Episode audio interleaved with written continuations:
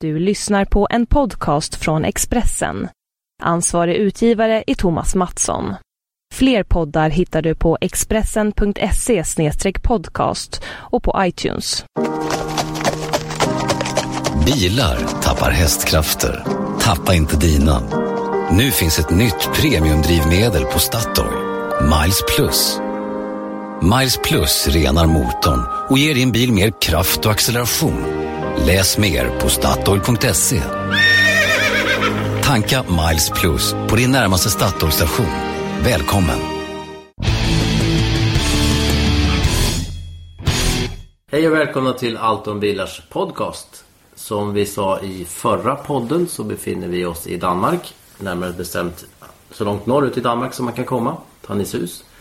Och vi är ju här för um, den årliga Årets Biljury-testveckan. Jag och David Jakobsson har varit här nu sedan i fredags och det är måndag kväll när vi spelar in det här. Ja, vi har eh, ägnat oss åt bilar, eller vad säger du? Ja, vi har kört och kört och kört med massa bilar i väldigt fint väder. Börjar du ledsna? Nej, det finns många roliga bilar kvar att köra. Många tråkiga också. Ja, kan jag säkert. Men idag är det lite speciellt. Vi har ju faktiskt en gäst med oss. Ja, förutom en massa bilar här i, i Tannis så finns det också en massa kunniga bilmänniskor som dyker upp. Och vi har med oss Bengt Dahlström från Toyota Sverige. Ja, Välkommen! tack så mycket. Och anledningen till att vi har bjudit in Bengt är att en av de mest intressanta bilarna som är med här heter Toyota Mirai. Och eh, det här är ju något nytt som vi gärna pratar mer om och gärna lär oss mer om framförallt. Mm, ni frågar, jag svarar. Ja, och fram, men innan vi börjar med bilen så vill vi höra lite roliga historier från Tannis. Du har varit här i, vad sa du, över 25 år. Ja, jag t- tror att det är något sånt där. Ja, roliga historier. Det, är- det är sånt där som... det- Alltså det mesta som händer är ju att eh, under årens lopp så har det ju hänt på undanmanöverprovet. Om man nu söker dramatik. Eh, samtidigt så är det väl alltid trevligt att, att kunna minnas tillbaka alla gånger som alla har kört fast nere på sandstranden med, med, eh, av olika skäl och eh, med, med tappat självförtroende. Så att, men det, dramatiken stannar nästan där. Ja, Det är så. Ja, det en av de, en, en anledning till att vi är här just är ju att man får köra bil på stranden. ja. Och det är många som tar tillfället i akt och uh, fotograferar framförallt bilarna i det fina ljuset nere på stranden. Det är ju några killar, några servicekillar från Volvo som har med sig en servicebil här. Och de jublar ju varje gång de får vara nere och dra loss en bil. Senast idag så var de nere, det var någon ryss som hade satt, satt en bil där nere. De tycker det är fantastiskt kul.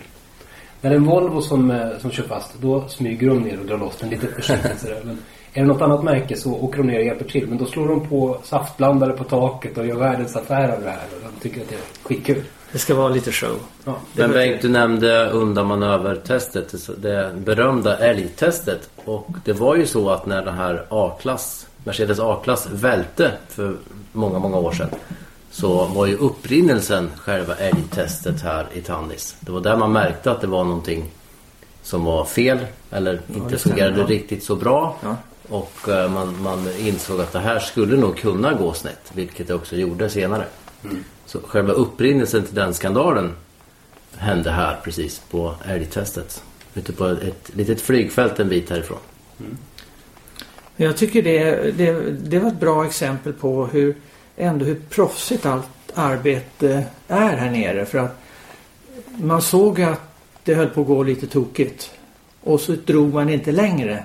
eh, Med respekt för bilen och för de som satt i. Och, och jag tycker det, ja, det har alltid varit väldigt professionellt här nere. Aldrig någon, om vi säger lekstuga. Ja, stranden och, och att få köra på ett flygfält mellan koner och så skulle ju kunna locka fram de där sidorna som, som vi alla har som älskar bil här eh, på ett eller annat sätt. Eh, men det, det stannar alltid vid det professionella här. Det tycker jag är fantastiskt. Jag var ju med förra gången och satt med i bilarna under älgtestet, satt i baksätet. Det är ju så att man, man testar den här bilen, man, man kör bilarna i undanmanöverprov med fem eller fy- fyra, fem personer, så många platser som finns i bilen. Det är fullastad bil. Och det behövs ett antal frivilliga som åker med, vilket inte är det allra roligaste.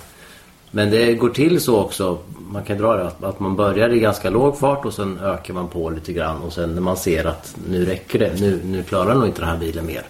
Då kör man inte ännu snabbare. Så man provocerar inte fram en olycka. Så. Ja, och när vi pratar om här erfarenhet och hur många år man har varit här. När det gäller just den här älgtesten på, på flygfältet. Och, eh, där kan man se vilka som är nykomlingar och vilka som har varit med länge. För att nykomlingar sitter alltid i baksätet. Eh, och eh, de som är erfarna står vid sidan om. För att det framkallar ju onekligen kräkreflexer att sitta längst bak, eh, bil efter bil eh, och kastas fram och tillbaka. Jag tyckte att du var lite blek förra året. Ja, jag satt ju i, jag, jag började i de små bilarna då. Vilket kanske inte är det allra bästa men jag klarade i alla fall 10-12 bilar innan jag var tvungen att kliva ur. Ja. Ja. I år ska jag få köra så det blir ju spännande. ja, det är bättre. Och jag filmar så jag slipper ju sitta där överhuvudtaget. Ja. Vad då så här kvällen före då älgtestet, hur tror du det ska gå för uh, Mirai? Idag är ju eh, allting bra egentligen när det kommer till det. Vi har ju så bra hjälpsystem eller stödsystem för förarna. Eh, så att den dramatiken har nästan försvunnit. Eh, samtidigt så när man kör många bilar efter varandra så kan man ju se nyanser av, av skillnad på uppträdande. Men det är väldigt, väldigt bra överlag idag. Så att jag tror inte att det är någon som är speciellt nervös eh, dagen innan älgtestet. Men backar vi bandet tio år så var det ju riktigt nervöst. Jag vet att det är många av eh, teknikerna som är här som är nyfikna Mm. och gärna åker med just i sin bil för att se hur den uppträder. Det är, det är ett bra test. Jag pratade för någon vecka sedan med en testförare på Volvo som, som också, de gör också det här testet och han tyckte att det var ett bra test bara för att man, man förstår hur bilen uppträder. Man ser ganska snabbt bilens eh, begränsningar eller förmåga. Sen är det ju kanske inte ett test som simulerar en situation i trafiken. Men ändå visar på något vis bilen vad den klarar av. Ja, och det är väl nyttan med test, testet. Och, just att det är repeterbart. Det krävs ju väldigt mycket av föraren. Eh, att inte tappa orken. För det, det, det kräver ju väldigt mycket fysisk ansträngning. Eh, och vi lever ju i en väldigt mansdominerad bransch. Men fram till nu har det faktiskt varit en kvinna som har kört de flesta Ja, eh, testerna. Marianne Sterner. precis. Hon har gått i pension och därav mitt inträde då. Får vi se hur det går imorgon. Men hon är här också, nu också ändå. Hon kan vara lite backup ifall jag, kommer, ifall, att, kommer att hålla ögonen på dig. ja, ifall jag inte pallar. Men, men äh, tänk äh, Toyota Mirai. Mm. Vi har ju varit ute och kört den här bilen och vi har plåtat den här bilen. Kan inte du berätta vad är det här för någonting? Ja, enkelt förklarat så är det ju en, en elbil som tankas med vätgas. Som, ska, som skapar sin egen el under körning. Eh, för att inte eh, bli ett nytt tekniskt magasin här så, så när man tankar vätgasen så går det in, in i en enkelt förklarat en låda. Och där skapas det genom en process elektrisk energi som, som driver bilen. Så man kan säga att det här är en elbil utan räckviddsångest. Man tankar den på tre minuter eh, och då kan man köra ja, 50-60 mil. Eh, och man kan vara generös med elförbrukare. Vi, alla vi som har kört elbilar vet ju att man börjar med att stänga av radion och sen tar man värme eller kyla och sen så stjärtvärmarna det, det har man ju aldrig satt på. Och här har man helt plötsligt en elbil som, där man kan slösa på. Vi har till och med stjärtvärmare i baksätet och eluppvärmd ratt och ändå så kan man känna sig som, så trygg som man gör i en vanlig bil utan att det där att ska jag komma fram? Mm. Det är en stor skillnad. Och så släpper den bara ut vattenånga från bilen. Och det är ju, brukar ju PR-människor visa hur man kan dricka det där äh, vattnet. Jag, jag, Har du smakat gång? alltså det där är inte att rekommendera. Eh, för det är inte kranvatten som kommer ut. Det är vatten och det är rent vatten men det har ändå runnit genom eh, rör som inte är tänkt att man ska dricka det. Men absolut, det är ingen som dör för att man dricker vatten. Men man behöver kanske inte ha det i sommarstugan som enda vattenförsörjning. Nej, nej. Men om vi går till bränslet då där man tankar vätgasen. Hur, eh, hur enkelt är det att tillverka det och tanka det? Man hör mycket olika historier. Vissa Ja. säger att det är dyrt, andra säger att det här är jätteenkelt. Ja, vätgas är ju ett otroligt intressant bränsle på många sätt. Eh, först så är det ju en energibärare. Det vill säga att du kan ju lagra elenergi i vätgas. Alltså vindkraft eller solenergi.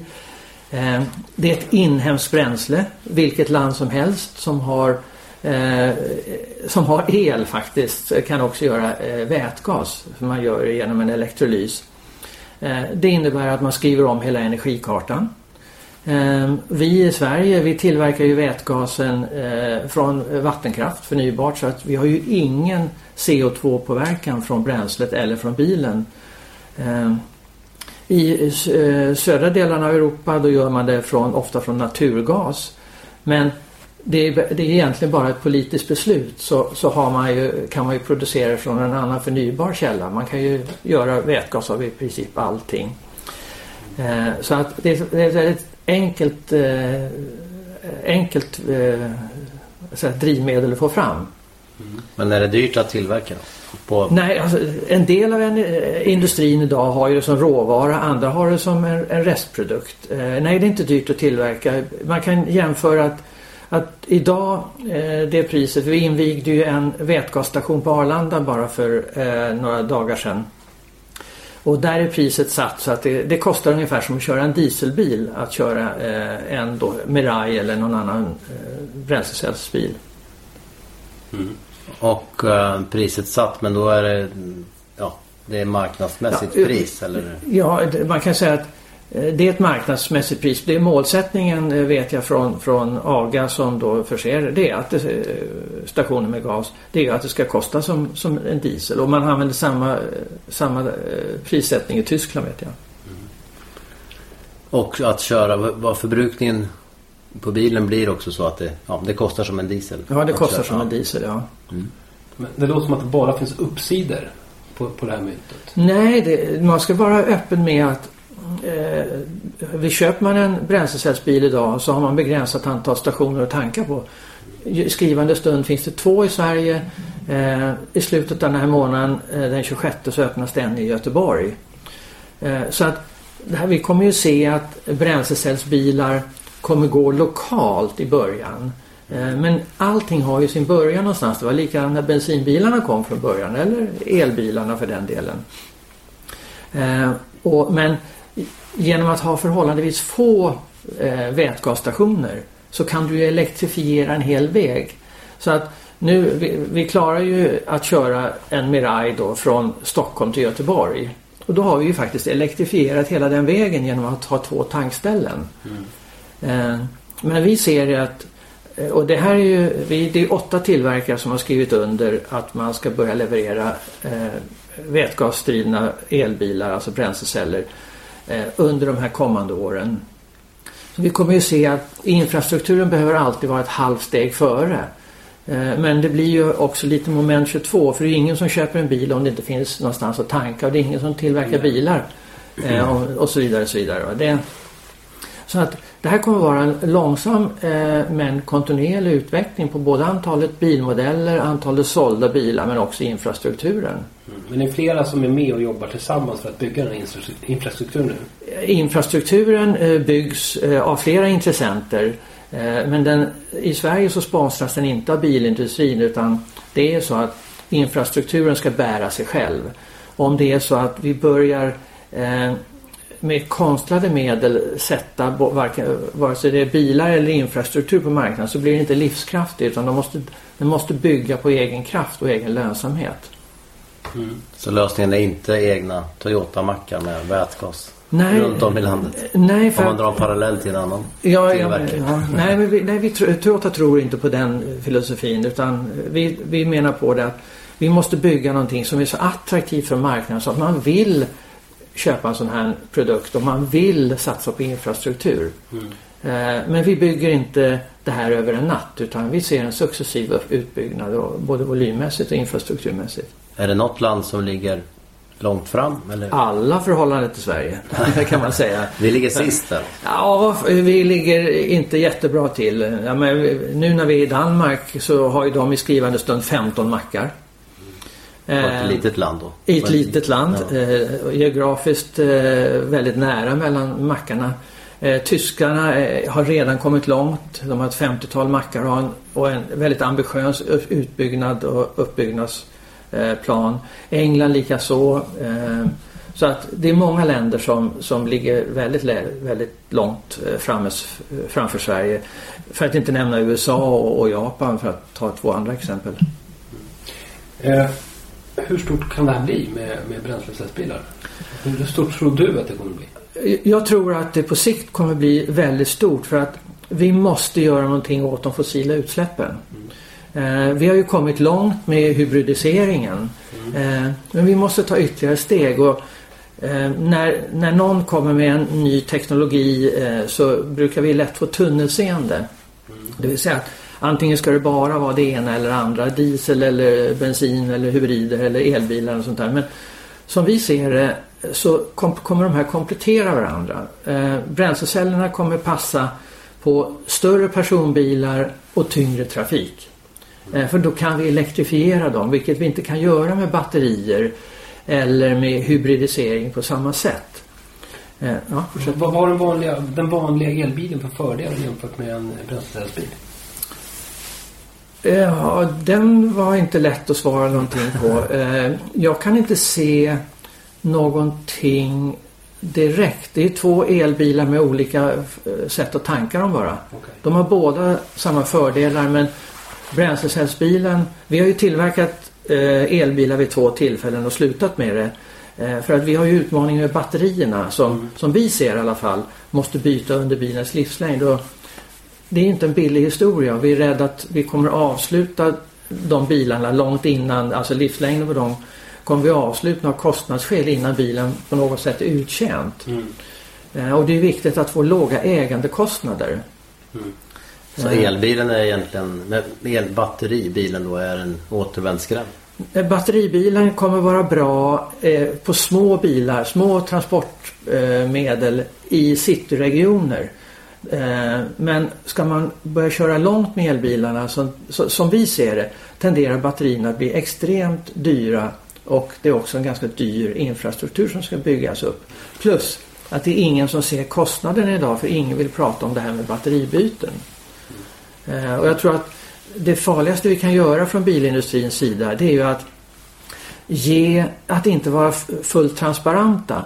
För att om det är så att någon, någon teknologi drar på sig höga ägandekostnader någonstans i livscykels, eh, livscykeln så kommer det slå tillbaka och då kan det också spilla över till att eh, kanske att hybrider eller bränslecellsbilar får dåligt rykte bara för att de har gemensamt att de drivs av elmotorer. Men bränslecellsbilarna kostar ju än så länge rätt mycket pengar. Mm, det gör. Eh, och det, bränslecellen är ju naturligtvis en stor del av kostnaden i det. Ja. Eh, hur kommer den kostnaden att påverkas av eh, en ökad produktion? En större, större volymer? Ja, då måste jag dra en parallell till elbilen eh, med den erfarenhet vi har. Vi har gjort 8 miljoner hybrider så här långt som har bat stora batterier. Så även om de, batterierna är bara stora som två startbatterier. Men vi har ju då ändå snart 20 års erfarenhet att tillverka kraftfulla batterier. Vi har flera fabriker som gör det. 80 av batterierna är materialkostnad och 20 är produktionskostnad. 20%. Eh, men när det gäller, och det är därför vi inte ser något eh, fritt fall när det gäller, när det gäller batterikostnaderna. När det gäller bränslecellen så är förhållandena eh, helt, om, helt motsatta så att säga. Där är 80 produktionskostnad och 20% material. Så vi ser en enorm skillnad redan på de här. Vi hade ju vår första körklara bränslecellsbil 1996. Eh, och bara sedan 2008 när vi kom med vår tredje generation så har ju batteri, eller förlåt, bränslecellsbilen eh, gått ner med ungefär 90% kostnaden. De var extremt dyra från början. Idag kostar de Eh, om vi jämför med, med Lexus till exempel som är vår lyxbilsdivision. Tar man en GS 450H som är vår hybrid. Så är det ungefär samma pris på Mirai som på, på den. Det är inte någon jättestor skillnad men vi rent eh, som vi ser det så är det eh, helt möjligt att vi ska vara på en prisnivå. Det är vår målsättning och, och vi känner ingen oro inför det. Runt 2020 så ska vi ha en prisnivå på våra bränslecellsmodeller som ligger i nivå med en laddhybrid vid det tillfället. Alltså inte dagens pris på en laddhybrid. Mm. Men vi ser som potential med att få upp produktionen. Mm. För att det finns så stora vinster att göra där. Spännande. Ja, verkligen. Och, Du, eh, har ni berättat vad den kommer att kosta i Sverige när den lanseras? Nej, vi har inte fått priset än. Vi ska ju lansera den nästa år i Sverige. Det priset vi eh, känner till så här långt det är det tyska priset. Eh, det är det som kommer närmast. Eh, danskarna har inte släppt sitt pris mig vetligt. För danskarna är ett av de fyra länder som kommer före Sverige. Eh, och i Tyskland kostar den 66 000 euro. Var det plus moms eller var det? Nej, det är- eller, eller det är inklusive Det är deras inklusive- typ av det- ja, skatt? exakt. Ja. Mm. Spännande, spännande. Har du kört bilen? Ja,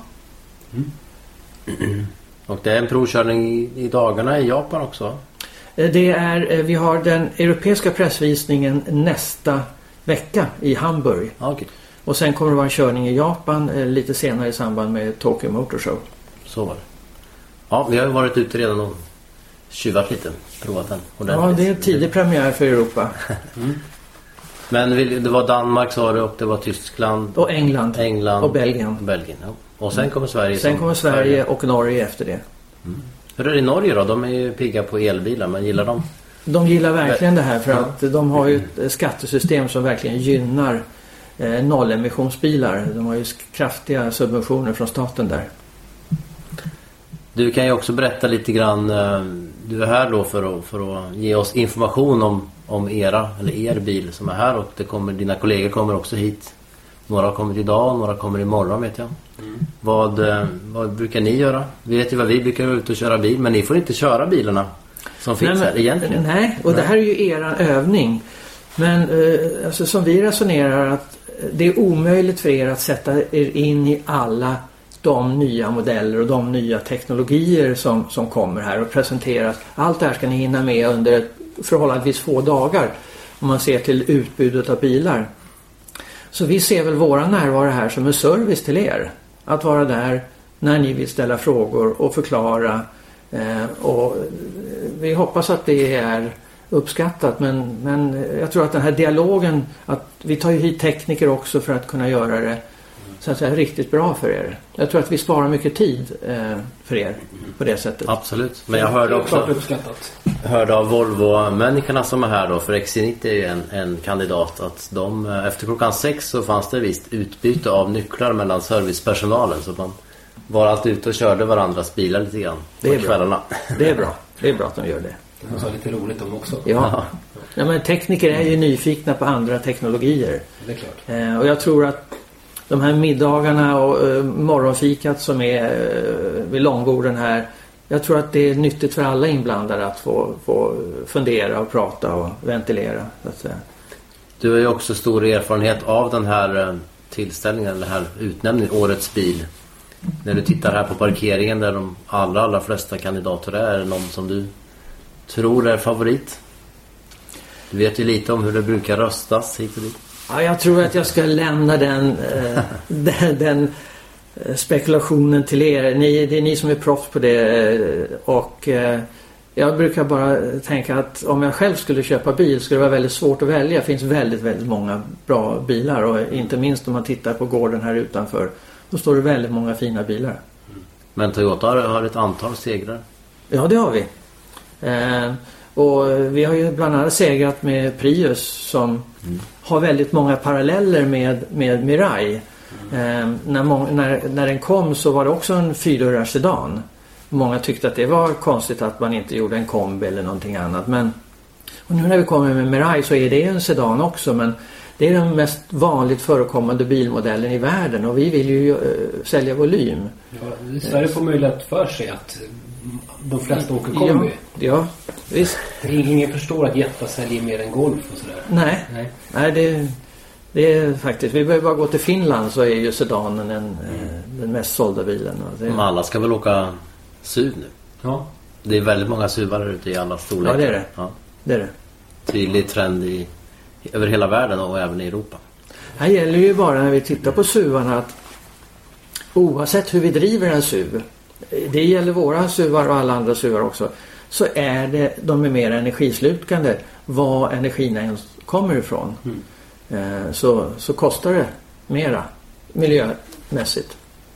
Du, när vi pratar bränsle och sånt så kan vi kanske inte undgå att nämna det som har hänt i USA med Volkswagen och jag vet att Toyota var de som höll emot mest mot dieseltåget kan man säga och kämpade emot länge innan man till slut även de byggde di- dieselmotorer. Men tror du att det som har hänt nu är slutet, början på slutet för diesel som bränsle? Jag tror att den debatten som har varit ändå för, för upp de utmaningar som det finns med diesel. Eh, Så att vi inte... Det, gäller, det är väldigt viktigt att vi tar medvetna val. Ehm, och jag tror att den här debatten, eh, bortsett från att jag inte ska recensera vad någon annan gör eller har gjort, så har det varit nyttigt att föra upp eh, det här på ytan. Att, att man diskuterar inte mer än bara CO2. För kväveoxider är en viktig faktor när det gäller miljöföroreningar. Ja, och det kan ju komma bli tuffare krav i Europa och även för den, Mm. den delen. Ja, vi får väl tacka så mycket för din medverkan i Vad kul podden. att du kom hit och berättade lite. Tack! Ja, Kul att vara här. välkommen tillbaks. Tack! Så, det var Bengt Dahlström. Han har lämnat oss. Jag tycker det var väldigt mycket bra information som vi fick av Bengt. Han förklarade läget för vätgasbilarna och även eh, lite klarare, klarade ut några frågetecken om elbilar tycker jag. Ja, Batteri-elbilar. ja verkligen. Det var spännande. Ja. Eh, Men du, eh, nu när han inte är här så kan vi ju säga exakt vad vi tycker och tänker om den här Mirajen. Vad, vad, vad kände du? Det är en av eh, absolut fulaste bilarna jag har sett de senaste tio åren. Ja, Men eh, nu- smaken går ju isär. Du och jag tycker att den är ful men andra tycker säkert att den är snygg. Mm. Det, är nog eh, svårt att hitta någon som tycker att den är snygg bara. I alla fall i, i Europa. Det, är ju stor skillnad på smaken i, i Japan och smaken här. Så är det. Men du nämnde för mig att den skulle simulera en vattendropp. Det stod någonting i något pressmeddelande att den skulle simulera eh, någon slags vattendropp. Vad jag inte lyckas klura ut är varför det är så skarpa linjer i den här vattendroppen och sådär. Ja, Konstigt regn i Japan. ja. Du får se upp den. Det kan göra ont. Ja inga småspik. Nej men, men eh, Nej, men jag tyckte att den var, den var skön att köra. Jättebra. Bra. Den känns inte så tung som en eh, batteribil gör på vägen. Nej. Ja, det gör den faktiskt. Det som slår mig när jag sett med den här bilden är att man har talat om den här nya tekniken med bränsleceller och det är bränslestackar och vätgas och grejer. Det låter ju väldigt sådär science fiction och konstigt och man förväntar sig att man ska sätta sig i något jättekonstigt fordon sådär. Men det är ju en helt vanlig elbil att köra. Ja, och de har inte konstat till det för mycket. Nej. Förutom på utsidan. Ja, det var det. Men sen, känns- när man väl är inne i bilen så, Ja. så känns det bara... Det kändes bättre inne än på utsidan. Ja. Det är inte så att man är jättestolt och hoppar fram till den där på parkeringen på ICA. Men man sitter nog väldigt skönt och kör. Nu fick jag en bild av hur du smyger dig in i bilen. Ja. Skulle du kunna köpa en sån? Ja, absolut. En vätgasbil. Absolut. Det tror jag på. Bara jag kan tanka den. Det är lite långt när jag ska åka till sommarstugan i Skåne. Man ska ta omvägen via Göteborg tanka. Mm. Ja, det är dåligt. Det är dåligt. Men du kanske kan producera lokalt? Ja, ta lite från grannens kor kanske. Ja, det är- Eller grisar. Vi har ju faktiskt kört andra bilar än Mirai också. Vi har kört väldigt många bilar de senaste dagarna. Ja, det är svårt att hålla ordning på alla vi har kört men... eh, Vi kom ju precis in från att ha kört tre stycken eh, heta tyskar mot varandra till exempel. Ja, det, vi hade ju med oss hit Mercedes C-klass som var med här förra året och som också gick till final förra året. I årets bil. Och eh, vi hade också med oss den helt nya BMW 3-serien. Alltså det är en ansiktslyftning. Och då jämförde vi den med Audi A4. Som en helt ny bil. Som en helt ny bil och som är kandidat i år. Det är väl tre väldigt, väldigt bra bilar. Det är dyra och bra bilar. Är det. Men eh, det här, antingen så är man ju Audi, BMW eller Mercedes-människa. Vad, vad skulle du definiera dig själv som? Ja, vi hade ju för något år sedan, vill jag minnas, en duell mellan Audi och BMW. Där vi jämför dem bil för bil. Alltså, alla Audi mot alla BMW gjorde vi. Ja, och, ja, alla ty typer i alla fall. Nu finns det ju väldigt många i varje märke. Men eh, då kommer jag ihåg att jag... Eh, i, min, värld så vann Audi va? Och i din värld så vann BMW. Mm. Det så. Fast väldigt jämnt. Det var en tuff fight. Men Sen så växlar det lite fram och tillbaka. Eftersom när en- tillverkare lanserar en ny version av en speciell modell så tar de ju ett kliv framför sin konkurrent. Sen kommer den andra ikapp några år senare, fram och tillbaka. Ja. Hur, hur är ställningen just nu när det gäller tre- BMW 3-serie, Audi A4 och Mercedes C-klass? Ja, men jag tycker att i den trion så är det ju Mercedes som har vässat sig allra, allra mest. Och de tycker inte jag ens var på kartan då när vi gjorde den här jämförelsen. Jag tycker inte man kunde Nej. Riktigt jämföra dem. Mm. Men eh, Mm. som jag tycker om att köra bil i alla fall. Men nu är de eh, med där. Och de har ju en rad nya modeller som är riktigt bra. Och som vi har pratat om tidigare också. Ja, helt överens. Men sen det är lite så här, man gillar den man senast satt i. När man, när man, eh, jag hoppade in i BMWn här och körde hem hit till, till hotellet och det var ju en fantastisk bil att köra. Nu var den dopad med, med den stora 3 liters dieseln. Ja, Eh, en jättedyr motor med massor av effekt som går silkeslent och kraft över hela rutan. Ja fantastisk maskin. Det är det. Man ska jämföra samma motorer. Det är inte alltid så lätt för oss att få tag på exakt eh, bilar med jämförbara motorer. För det, det är ju inte så att det står alla typer av Audi-bilar parkerade överallt och alla typer av BMW-bilar parkerade överallt. För vi får ibland ta de som, som finns tillgängliga. Det är ju lite tråkigt när man ska Ja. försöka skriva så. Men Men, fram, men, men, att- men Mercedes tycker jag att de har ju blivit mycket tajtare. Alltså bättre på vägen och bättre styrning. De har blivit mer som de andra två men ändå behållit sin särart också. kan man säga mindre gubbigt? Mindre gubbigt, ja. Gubbarna har blivit yngre. Mm. Eller sportigare. Mm. Roligt. Ja, men, Men jag tycker ändå att de har behållit sin fina komfort. Jag tycker att du slirade lite på svaret här nu. Vil- vil- Du måste välja. du måste välja en av de här. I den, just i den, eh, den, det racet. Mm. Ja, jag kanske skulle välja... Ja, vad svårt. Jag skulle nog inte välja Audi Mm. mot de två. Och ehm, då kanske jag skulle... Jag har kört Mercedesen väldigt, väldigt mycket. Men ja, jag säger nog BMW. Och du? Mercedes. Faktiskt. Alltid. Du tyckte om dem när de var gubbiga också. Ja, men alltså, jag är ju gubbe. Jag gillar gubbiga bilar. Men grejen var att jag, jag har ju liksom alltid inte räknat mig själv som en BMW-människa. Men jag, jag har glidit över och blivit mer och mer Audi-människa.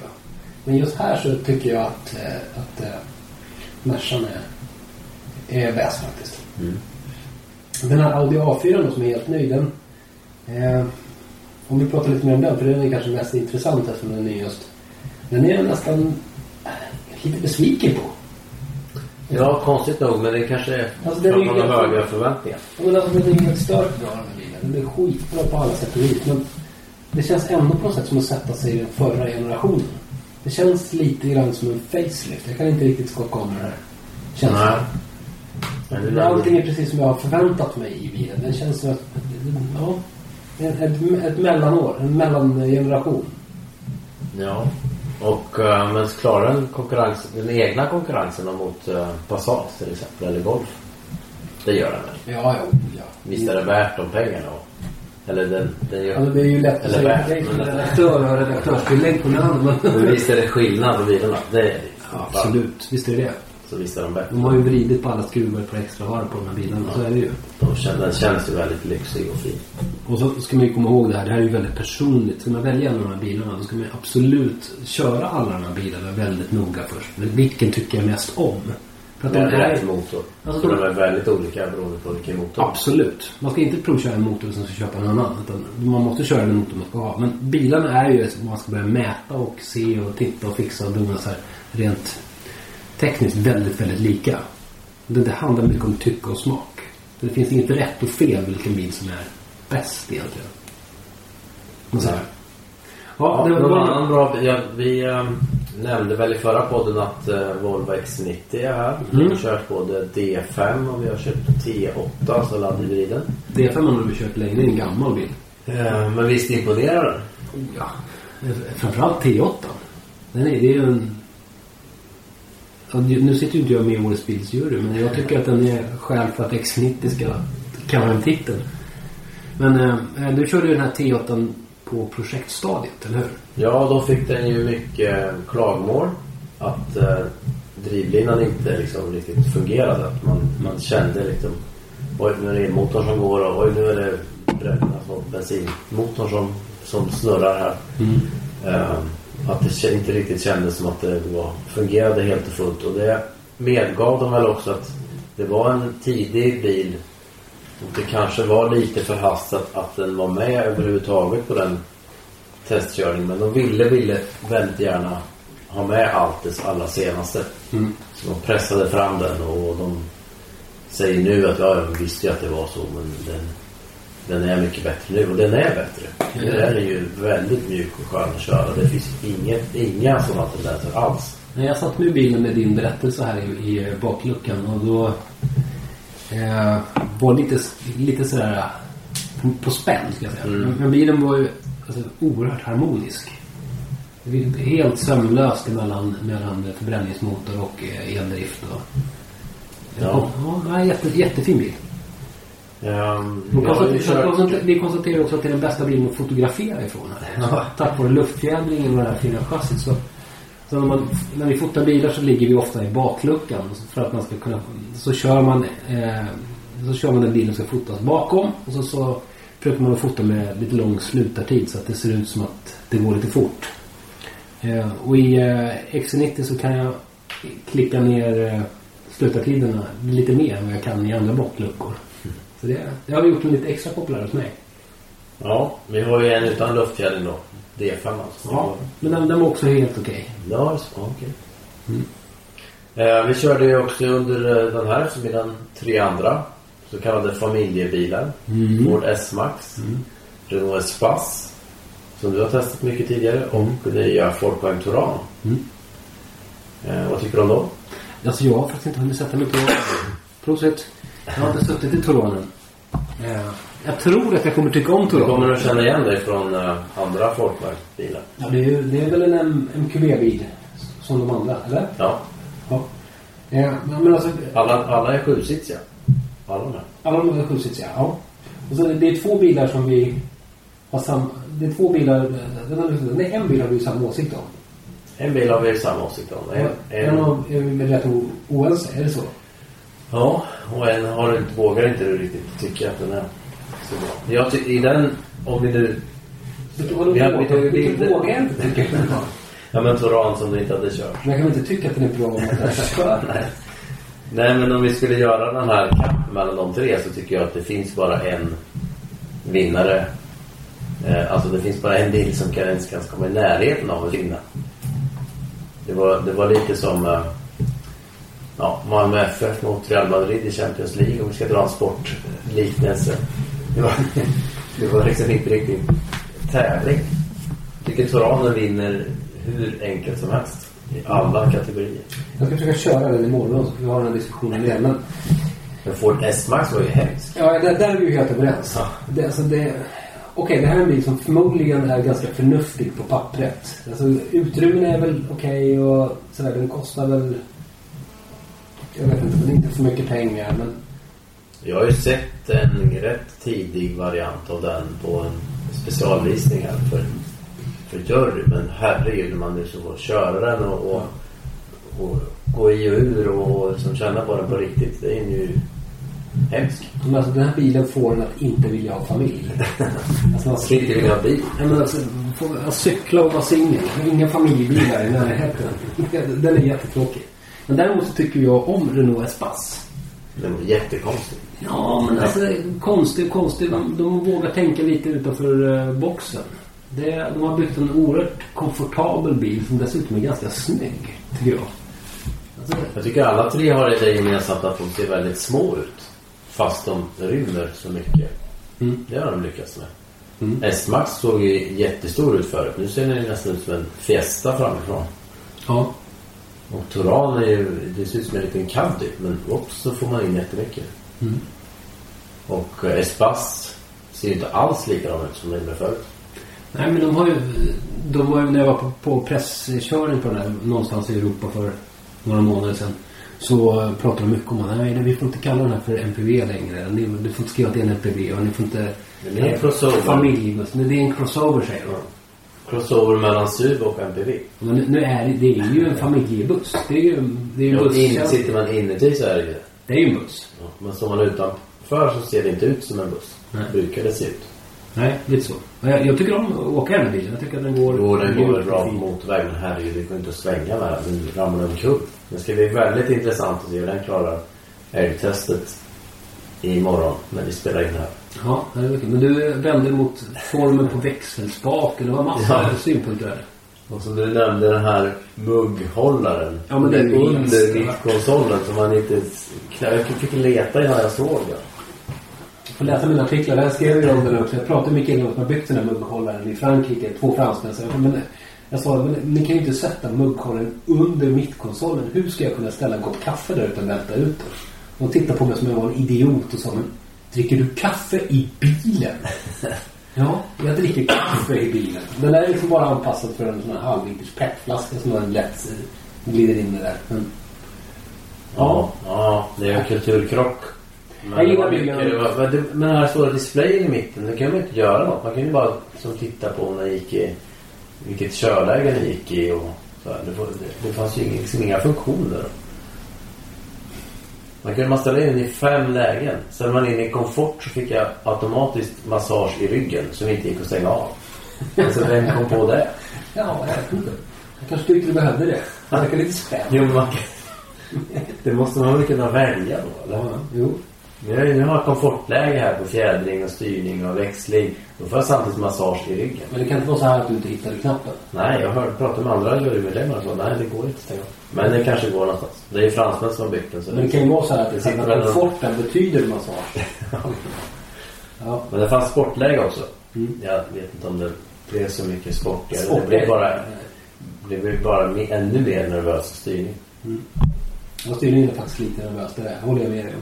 Men det är ju en bil sådär. Alltså åker man i 90 km i timmen på motorvägen med eh, familjen och eh, packningen och sommarstugan. Då är det ju en man ska inte bromsa undan man över.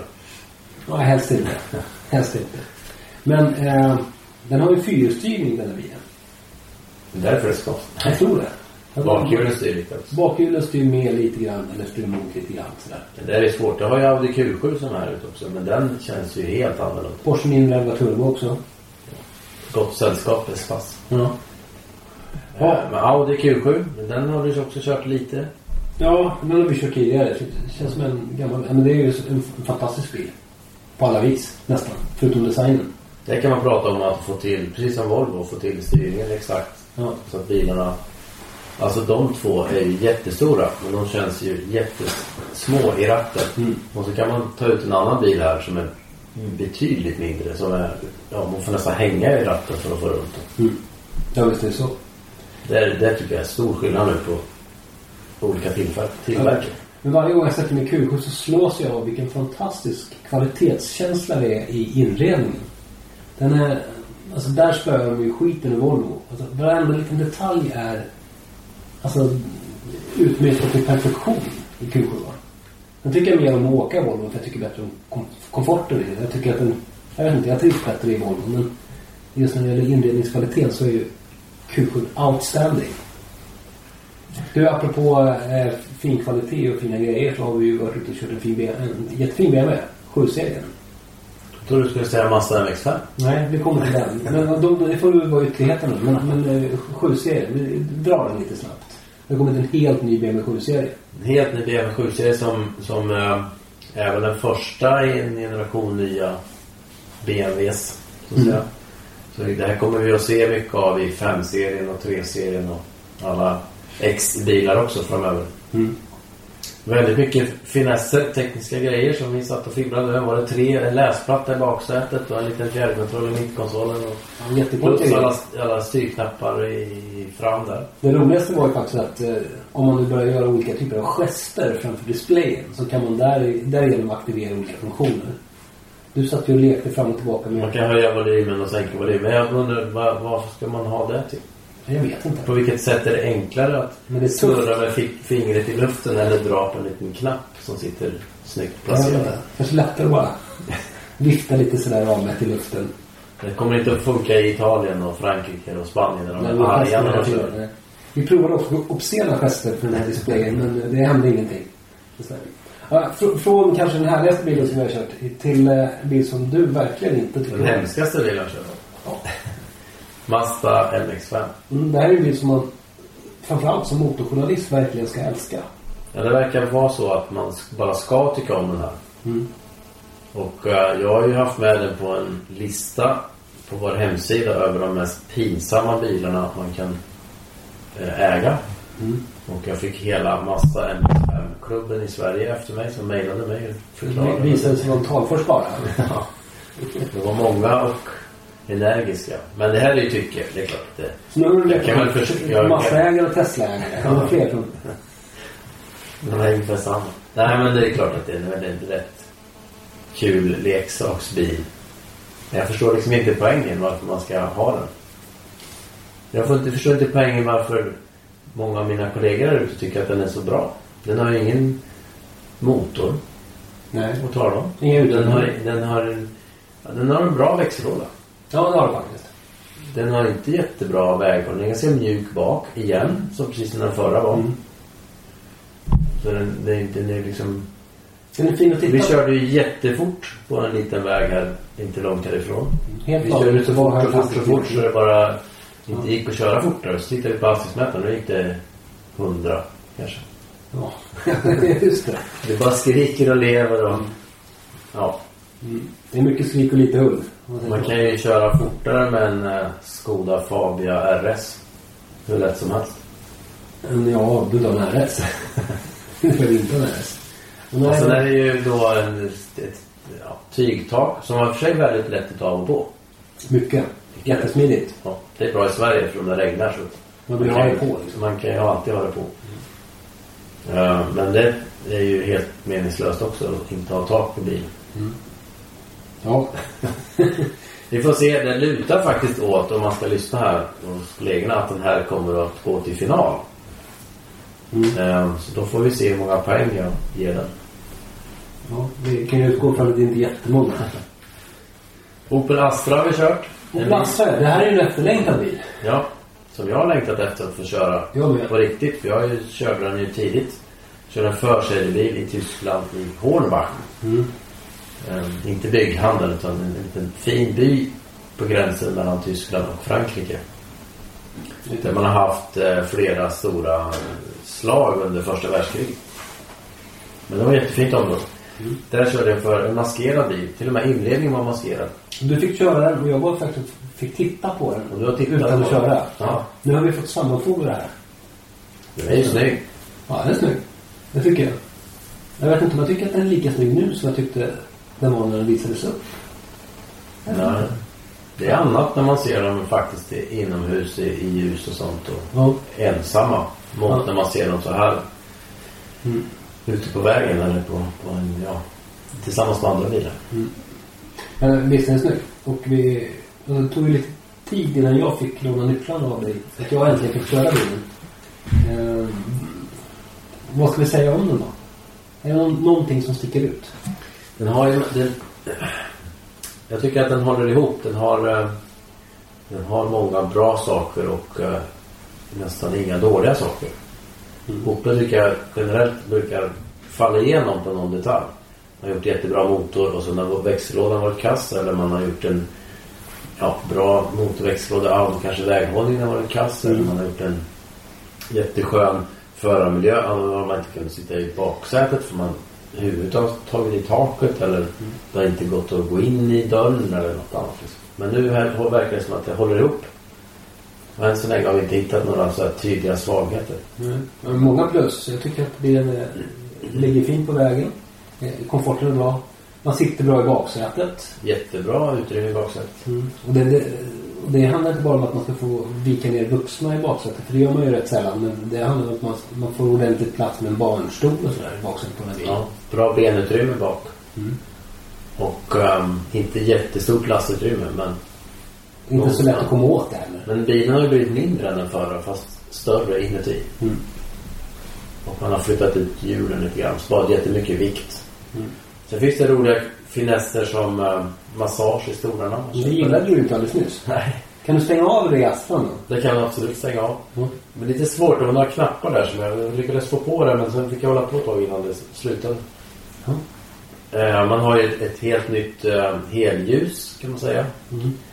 eh, LED-belysning som är åtta celler i varje lampa som kan brända av individuellt. Så vi ska få prova här om några timmar. Nattkörning i Tannis. Ehm, och eh, det här kostar ju extra men eh, mellannivån på utrustningen kostade bara 10 000 mer än insteg. Så att instegspriset kommer ju ingen i Sverige att, att välja. Alltså den billiga outrustade bilen. Den har inte ens bildskärmen till exempel. Den hade vanliga knappar. Mm. Så den kommer ingen att välja. Eh, Så man kan ju direkt titta på Enjoy utrustningsnivån som det heter. Är vi på 170 000 ungefär? Ja, lanseringspris eh, 159 och för grundpriset och sen 10 000 till. Mm. Och sen finns det ytterligare en nivå som är väl ytterligare 20 000. Så man, man kan det väl är då säga... man kommer upp i de där lamporna och allting, eller hur? Ja. Och eh, Opel Eye som är deras eh, ja, autobromssystem och sånt. Mm. Sen kommer de ju med eh, funktionen OnStar. Mm. Alltså en, en slags eh, helpdesk som är öppen dygnet runt. Så du trycker på en knapp och frågar var ligger närmsta McDonalds eller vad är numret till svärmor eller ja, precis vad du vill. Och du, du, det, Mitt i natten det så är det. De, svarar på ditt språk och, och det här är gratis under första året som du kör när du köper bilen. Mm. Eh, väldigt populärt tydligen i, i de länder som det har lanserats i. Opel OnStar. Det sitter in som en liten knapp. Det finns också en knapp bredvid OnStar-knappen där du kan eh, vara privat. För att OnStar bygger ju på att, att alla vet var bilen är någonstans. Men det är uppkopplat via internet och, och, och så här. Så alla, den, din helpdesk vet ju att nu är du utanför Västerås och letar efter McDonalds och då ska du åka så här. Men, men om du då vill vara helt privat så kan du trycka på en knapp så skärmas du av. Om man inte vill att någon ska veta att man är på väg till McDonalds efteråt. Precis. Nej, men det finns så här finurliga saker som... Alltså ibland gör ju fransmän eller italienare sådana finurliga saker. Då hackar vi på dem. Men, men här har de... Jag tycker att de ändå har hittat liksom sin, sin grej. De har lagom finurliga saker. Mm. Jag provade Apple CarPlay i den här. Det funkade jättebra. Jag fick upp mina appar och kunde läsa om baseballresultat och sånt. Mm, det är viktigt. Vi pratade om eh, fransmän bland annat där. Det är- Det här är ju en eh, farlig konkurrent till 308. Person 308. Som utsågs till årets bil. årets bil för två år sedan och eh, prisnivån är väl ungefär jämförbar. Mm. Eh, 308 har ju den är väl två år nu då så att de har väl kunnat gå ner lite i pris och de har väl en kampanj som rullar nu med ganska bra deal på på framförallt om jag minns rätt utrustning. Mm. Så ja men det blir nog tufft eh, för 308. Sen är det inte bara att man ska bygga en bra bil. Men man ska ha bra återförsäljare också. Och där har väl Opel kanske halkat lite efter sen toppåren. De har ju, några märken har väl liksom bytt. Eller några handlare har bytt märken ska jag säga. Mm. Det har varit lite turbulent inom General Motors. Ja, så i Sverige så, men, men i Europa brukar ju Astra, brukar säga så här, Astra brukar vara den näst mest sålda bilen. Mm. I Europa, alla kategorier. Så de vill ju tillbaka dit för de har halkat lite efter. Ja, det blir spännande. Ja, så um, om vi, vi, vi är ju här då för årets bil ehm, arbetet och eh, det som händer är att vi ska väl gå från en lista på 30 bilar någonstans ner till sju favoriter. Eller sju finalister. Du är uppe på sex på din lista nu va? Ja, det är svårt faktiskt de här sista. Ett litet märkligt år jämfört med, med förra året som ju var, tyckte jag, ganska givet vilka som skulle gå till final. Men jag tror nog att Astra och XC90 är gjutna. Jag tror tyvärr att MX5 kommer att gå till final. Inte tack vare dig. inte tack vare mig, inte min röst. Men jag tror också att eh, någon Audi går dit. Är det Q7? Nej, jag tror det blir A, A4. Ehm, jag kan tänka mig att någon BMW X1 eller 7-serien. X1 har vi inte riktigt kört sådär jättemycket än. Jag har inte köpt den alls. Och sen har vi ett gäng Mazda. Vi har CX3 och Mazda 2. Men kanske inte. Men så tror jag nog de här lite udda märkena. som annars inte brukar gå till final som Jaguar, Subaru är här. Vi har eh, Hyundai. Vi har Kia här. Ja, Kia med sin Sorento. och Hyundai Tucson. Ah, det kanske inte riktigt är finalister men Satsa inga pengar på det. Nej. Eh, ja, men det finns chans för sådana här eh, lite udda som att gå till final.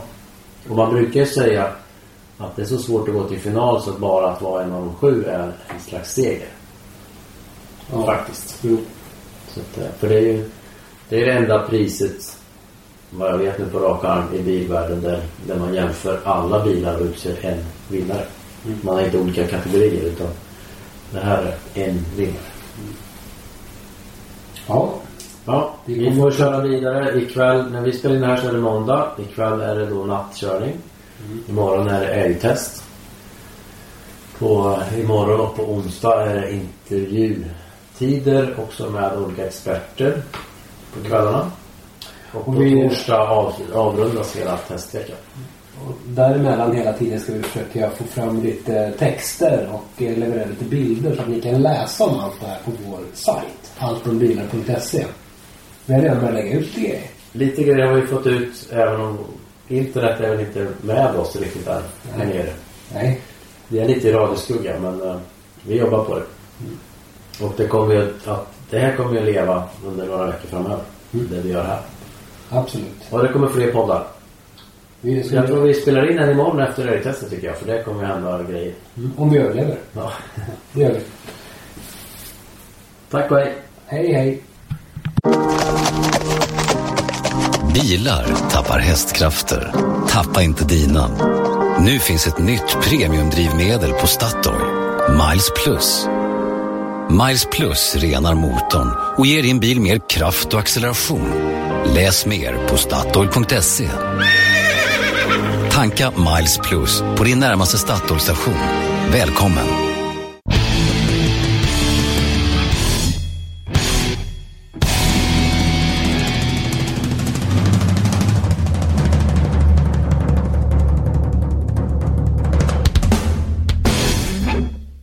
Du har lyssnat på en podcast från Expressen.